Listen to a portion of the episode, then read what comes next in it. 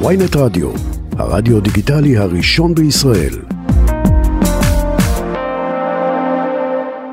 חבר הכנסת אלון שוסטר, המחנה הממלכתי לשעבר שר החקלאות ופיתוח הכפר, סגן שר הביטחון ויושב ראש מועצה אזורית שער הנגב, שלום לך. נכון, שלום יואב, שלום דינה. אז אה, לפני שגם נדבר גם על הרפורמה ועל ה... או ההפיכה ועל הפוסטים והאלימות וההסתה, אבל לפני הכל, אה, היום התבשרנו, אני חושב אולי אפילו בפעם השלישית, שהולכים להקים יישוב חדש בשטח המועצה, אה, היישוב חנון. אני אומר נכון? כן, כן, רק במועצה שכנה, בשדות במועצה, נגב. סליחה, בשדות. נגב, סליחה. נכון. אה, מכיר את זה היטב, אתה כבר אה, כמעט עשור מדובר על העניין. אה, שדות נגב היא מועצה באפיון דתי, בעיקר מושבים, כמה קיבוצים, אה, ועכשיו מדובר ביישוב קהילתי. יש אה, בעיקר בני האזור שהם אה, רוצים לחזור, דתיים בעיקרם, אבל חלקם גם אה, לא דתיים, והם מחפשים עוד אה, צורת יישוב.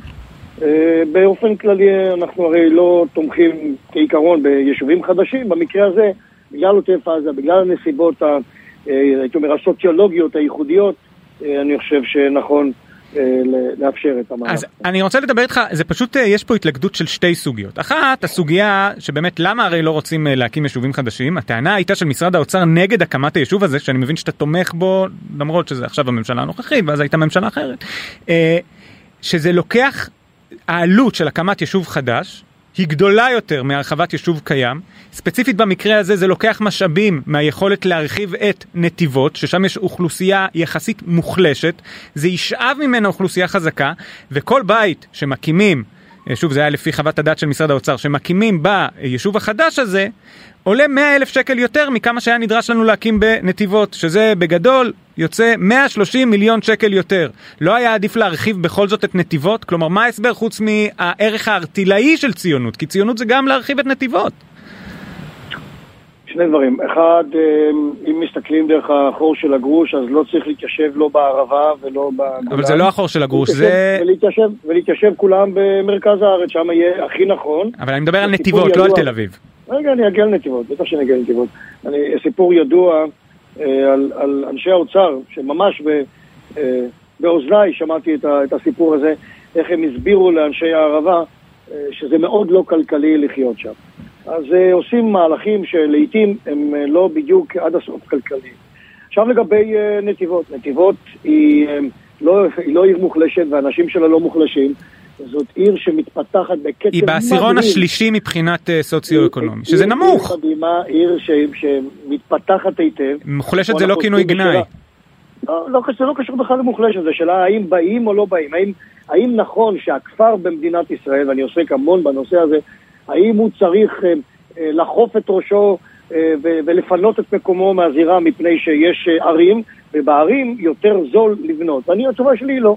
אני, לא, לא חשבתי זה אף פעם במונחים האלו, אני לא חושב שנכון בכלל שנתיבות, שהיא עיר מתפתחת מאוד, חזקה מאוד, עם ראש עיר מצוין, צריכה בכלל לחשוש לרגע, כאשר מדובר שם באלפי אלפי תושבים, מכך שכמה מאות אה, בודדות של, אה, של תושבים יחיו, ב... ממילא הם היו חיים באיזשהו מקום אה, בכפר. כן, אז אה, ההשוואה הזאת היא לא... היא לא, אם לא היו. בונים להם מקום בכפר, אז הם לא היו יכולים במקום בכפר. מחליטים לא, לבנות עוד בכפר. רגע, רגע, רגע, רגע, עכשיו אנחנו באים לשאלה, האם הכפר סיים את חייו? זה, בעצם תפקידו במדינת ישראל, ואני כמובן סובר שהכפר במדינת ישראל הוא רכיב מאוד משמעותי, ואנחנו ניאבק מאוד על כך שהכפרים, המושבים, הקיבוצים, היישובים הקהילתיים, הם אה, יוכלו להמשיך ולהתפתח, יש לנו מצוקת דיור אדירה. אז אני יכול רגע אבל לחדד בתוך- אותך, אתה אומר האם הכפר בתוך סיים, השטח. אתה אומר האם הכפר סיים, אז בוא נגיד הכפר לא סיים, אבל יש כבר כפרים שאותם אפשר להרחיב במקום להקים אחד חדש, זה הכל. בוודאי, בוודאי. ואז העלות של זה היא נמוכה יותר, זה הכל. ולכן המידתיות היא, היא שם העניין, וזאת הסתפלות ל, ליישוב אחד כפרי אל מול אלף אחרים.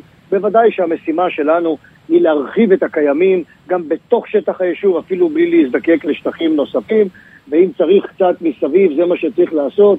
צריך לצופף ולהגדיל גם את הכפר, אה, וגם את ה, וכמובן גם את הערים, שדרות שנמצאת בעיבורה של שער הנגב, מתרחבת לשמחתנו.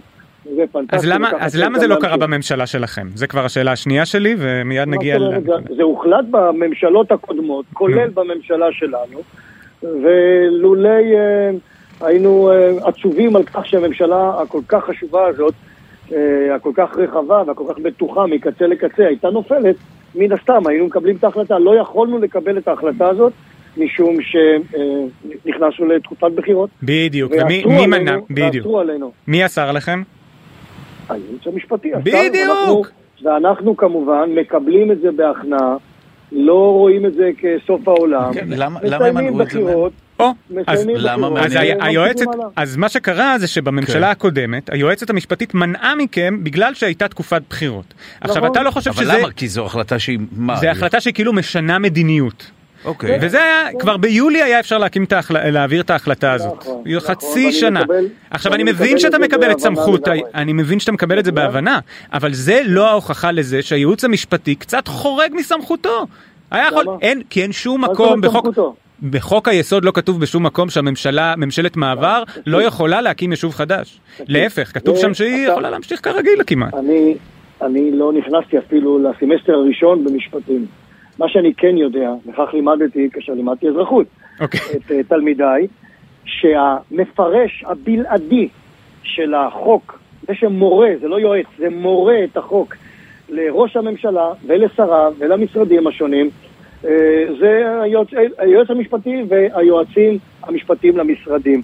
וכך צריך להיות, אנחנו יכולים להגיד מה אנחנו חושבים. השורה התחתונה זה מה שאומר היועץ המשפטי. אפשר לעתור, אפשר לבדוק אה, בבית משפט גבוה לצדק, אפשר לבחון את העניין, אבל בשורה התחתונה, הנה אנחנו מגיעים בדיוק לדיון ש, שמעסיק, מטריד, מטריף את הציבוריות הישראלית. הדמוקרטיה אינה אה, רק שלטון הרוב, אלא שלטון הרוב הוא בלבד שהוא פועל באמצעים החוקיים, ומי שמבהיר את מהם האמצעים החוקיים זה מערכת המשפט והייעוץ המשפטי. במי זה היה פוגע, זה, במי זה היה פוגע אם ביולי היו מעבירים את ההחלטה שלכם, הייתם מקבלים החלטה להקים את היישוב הזה אה, במ- בממשלת מעבר. כי שוב, אני רק אגיד, אני מבין שאתה מקבל את סמכות בית המשפט העליון, אבל חוק היסוד קובע עם בחירת כנסת חדשה או התפטרות הממשלה, שזה המצב שהיה, התפטרה הממשלה, תמשיך הממשלה היוצאת במילוי תפקידיה עד שתיכון הממשלה החדשה, זהו, היה אפשר להקים יישוב. היועץ המשפטי סברה שמדובר פה בהחלטה מיוחדת, תקדימית, שמשנה מדיניות, והיא חשבה שאת זה לא נכון לעשות ב- בתקופת אה, ביניים כזו. אני אה, אה, בהחלט גם יכול לקבול על כך שבנושאים אחרים שקרובים לליבי לא פחות, כמו החקלאות, שרי הממשלה ושר האוצר, שר החקלאות, אה, בממשלה הקודמת, זו שהייתי חבר בה, אה, אה, פעלו באופן נחרץ בניגוד להסכמות, בניגוד להבנות, ועדיין זה עבר את הבחינה של הייעוץ המשפטי, ואנחנו מרכינים ראש, כך ראוי שיעשה גם ראש הממשלה הנוכחי. אבל אתה מבין שהצד השני, כשהוא רואה אה, התערבות כזאת של היועצים המשפטיים, הוא כבר לא כמוכם אומר, אוקיי, אני מקבל בהכנעה. הוא אומר, רגע, על בסיס מה, למרות שיש חוק נורא נורא ברור, אתם קובעים דבר כזה. ואז אני מבין את העמדה, ה, אה, לשיטתך, ממלכתית, אבל אנשים שלא מסכימים על הניצול הזה של הסמכות של הייעוץ המשפטי ושל בית המשפט, אומרים, צריך טיפה לאזן את זה. אולי יש טעם בדבריהם בכל זאת. אה, אם מתחילים לפרש את החוקים באופן שהוא כבר קצת קשה להבין מאיפה הוא מגיע. הבעיה היא באופן היישום של השינוי כמה קליקים אם מישהו היה רוצה לעשות. מה שנעשה כרגע זה שינוי כללי משחק, זה אה, רמיסת היכולת של מערכת המשפט או של השופטים להיות עצמאים, זה הפחדה של מערכת המשפט, של שומרי הסף, של היועצים המשפטיים לממשלה ולמשרדים, זה בעצם כפירה ביכולת של מערכת המשפט להורות לשליט שעד כאן, שהוא חרג מתפקידיו, אני לא רוצה אה, שייווצר מצב שבו במדינה שלנו, הממשלה, וזה יכול להיות פעם הבאה ממשלה אה, שאני כן תומך בה, לא יהיו לה אה, סייגים. עכשיו, כמו במשחק אה, כדורגל לצורך העניין, אה, אתה יודע מה אומרים לפעמים על השופט ועל משפחתו, אבל הוא השופט וזה מה, ש, מה שמתקבל. וה, והעבר יכול לעצבן, אבל זה, יש מערכות שונות, לפעמים הן טכנולוגיות, אבל המון פעמים הן מבוססות על ההיגיון הבריא, על, ה, על הסבירות, על הניסיון, אה, על המקצועיות ועל השם הטוב של אנשי המקצוע שאנחנו בוחרים. אוקיי, אבל במקרה הזה אפילו אתה לא יודע מה ההיגיון בזה שלא העבירו החלטה לא, להקמת יישוב. איזה היגיון יכול להיות לזה? גם יש קונצנזוס בנושא הזה, הנה, כל ממשלה רוצה להקים את היישוב הזה. אני יכול להבין כאשר מסבירים לי שמדובר, במקרה אנחנו נתפלים לאירוע הזה, אבל זה בסדר. דווקא זה אירוע מאוד מאוד ענייני פשוט, כלומר אפילו לא הלכנו נכון, למקומות של... נכון, כן. אז מכיוון שהייעוץ המשפטי החליט שיש פה עניין עקרוני, אה, של מדיניות, הוא אומר, תתכבדו ותמתינו כמה חודשים, תהיה ממשלה אה, אה, יציבה והיא תקבל החלטה, וזה בדיוק מה שקרה בסדרי הגודל של שנים, של הרצון לחזק את עוטף עזה. חיכינו, שהחיינו, והגיענו וקיימנו לזמן הזה, יש עוד צורך לבסס, לבסס את זה גם בצורה נכונה, okay. אוקיי. ואני מקווה שכך אז, כך אז אולי באמת, ברשותך נדבר על הרפורמה המשפטית. כן. הארץ סוערת, הסתה ברשתות החברתיות, כאוס מוחלט.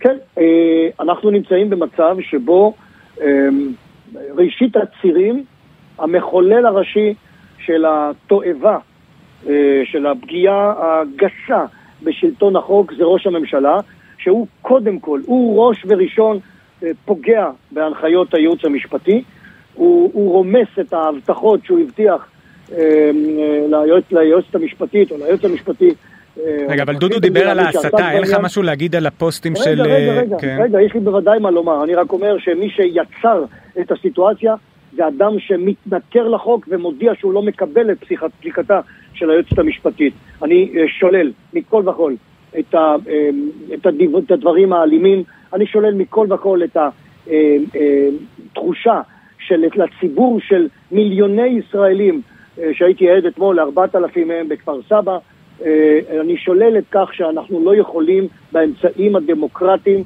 לעצור את הביזיון הזה, את הוצאת מדינת ישראל ממשפחת העמים הדמוקרטית, הדמוקרטיים, ואני משוכנע שאנחנו נצליח לעצור. בשפת האם שלי, אנחנו, אימא שלי באה מארגנטינה, אה, היו אומרים נו פסרן, לא, הם לא יעברו. נו פסרן. הם לא יעברו. הם לא יעברו, הם לא יצליחו. עד הלום, לא גשר עד הלום, נו פסרן. משום, אוקיי. בדיוק, משום שגם מי שתמך בהם, מאות אלפים, לא חושבים שההתנכרות הזו לעקרונות מגילת העצמאות, שבחיים לא הייתה עוברת רגע, איפה, בממשלה היום. סליחה, איפה, איפה בכל זאת הרפורמה מנוגדת לעקרונות מגילת העצמאות? לא, הרפורמה קודם כל, בראש ובראשונה, במגילת העצמאות, עוד לפני הערכים, יש פרוצדורה, והפרוצדורה אמרה לפרנסי ישראל, נא ללכת לבחירות לכינון חוקה. לכינון אוקיי, אבל זה לא קרה, בסדר, זה לא קרה. לא, זה, זה קודם כל, זה הדבר הראשון, ולכן כאשר אין חוקה, אנחנו אה, אה, ניצלים מכך שלפחות יש בית משפט חזק שיכול לשים רסן לשלטון היחיד שעלול להגיע למצב של עריצות. עכשיו, מה שקורה כרגע זה שהממשלה כופה על הכנסת להשתלט על מינוי שופטים, על החלטותיהם ועל השיפוט מה סביר ומה לא סביר. וזה בדיוק מה שיוציא אותנו ממשפחת העמים הדמוקרטיים. וזה בדיוק מה שמגילת העצמאות קיוותה שלא יקרה. טוב, אתה נוגע בנקודה כואבת לגבי, אה, בכל מה שקשור לסביר או לא סביר, הרי אה, חלק מהעם אומר, אוקיי, יש לנו נציגים, יש לנו נבחרים, אנחנו בחרנו באנשים האלה, הם מחליטים משהו, ואז בא בית משפט, אנשים שלא נבחרו, ואומרים, אוקיי, ההחלטה הזו, או המינוי הזה, הם לא סבירים. זאת אומרת, כן, כן עשויה להיות פה בעייתיות. בהזדמנות, נכון. בהזדמנות הזאת, דודו, אני, אני אחזור ואבהיר, אחזור ואבהיר.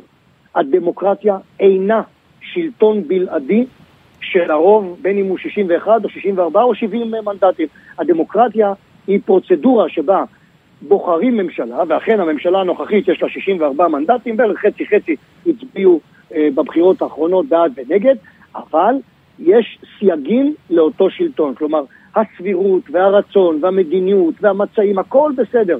את כל זה לממשלה מותר לנסות לקדם, אבל יש מי שבוחן, זה כמו בדיוק המטאפורה של, של, של משחק כדורגל, מספר משחק ספורט כלשהו, הוא נכון. השחקנים עושים כמיטב יכולתם, והשופטים קובעים האם הם פעלו במסגרת החוקים. מה? אין אפשרות, אסור להבהיל את השופט, אסור להפחיד אותו, אסור לשחד אותו, אסור להשתלט על, על יכולת החשיבה העצמאית שלו, וזה בדיוק מה שעושה קודם כל ראש הממשלה, שנגוע בניגוד עניינים נוראי אה, ו- ו- וכמובן אה, אה, שר המשפטים, שנכון, זה שהוא אידיאולוג לא הופך את, ה- אה, את ההתייחסות אליו כאל אה, לגיטימי, העמדות שלו הן עמדות קשות ביותר, שעלולות, אה, ל- ל- כמו שאמרתי, להוציא את מדינת ישראל מבין משפחת העמים מה הדמוקרטיים. מה אתה חושב על אה, מתווה. הנשיא? אני חושב שהמתווה הנכון הוא מתווה שבו אנחנו עוצרים, השבועיים הם, אה, הם התחלה יפה, כל, כל צעד של, אה, של אלף מייל מתחיל בצ- בצעד אחד, אז אפשר להתחיל את ההקפאה אה, המתבקשת של, ה, של הרפורמה ה- הקשה הזו בשבועיים, אבל אין שום ספק שהרעיון הוא לעצור, הבנו, רוצים לעשות משהו, קדימה. אז אפשר לנסות לעצור, אבל אי אפשר לקבל התערבות בוטה כזו בבחירת שופטים, השתלטות, למעשה השתלטות מלאה של הרשות המבצעת, אה, של הממשלה במינוי שופטים. אי אפשר... אם זה יקרה, אם בסוף זה כן יקרה, אם יעבירו את הרפורמה הכל יקרה. מה ה... מה שנקרא האנד גיים? מה מה תעשו? אני לא יודע מה נעשה, אני יודע מה אנחנו עושים. אנחנו יוצאים לרחובות, אנחנו מדברים, אנחנו מפגינים. אה, במסגרת החוק יש אה, כל מיני אפשרויות אה, אה, כאלו ואחרות, ואנשים אה, יבחרו, וארגונים יבחרו, והעם היושב בציון, אתה יודע, אומרים, אתם יודעים, אומרים אה, אה, אה, שני יהודים, שלוש דעות, שלושה בתי כנסת, כן. זה בדיוק מה שיהיה, אנחנו לא עם שיקבל את, ה, את הייתי אומר, את ההתעמרות הזו בתורת, במוסר הצדק של נביאי ישראל ושל המוסר רק ת- תפרוט לי את זה האוניברסלי. לפרקטיקה, מה זה אומר שלושה זה- בתי כנסת במובן של דמוקרטיה?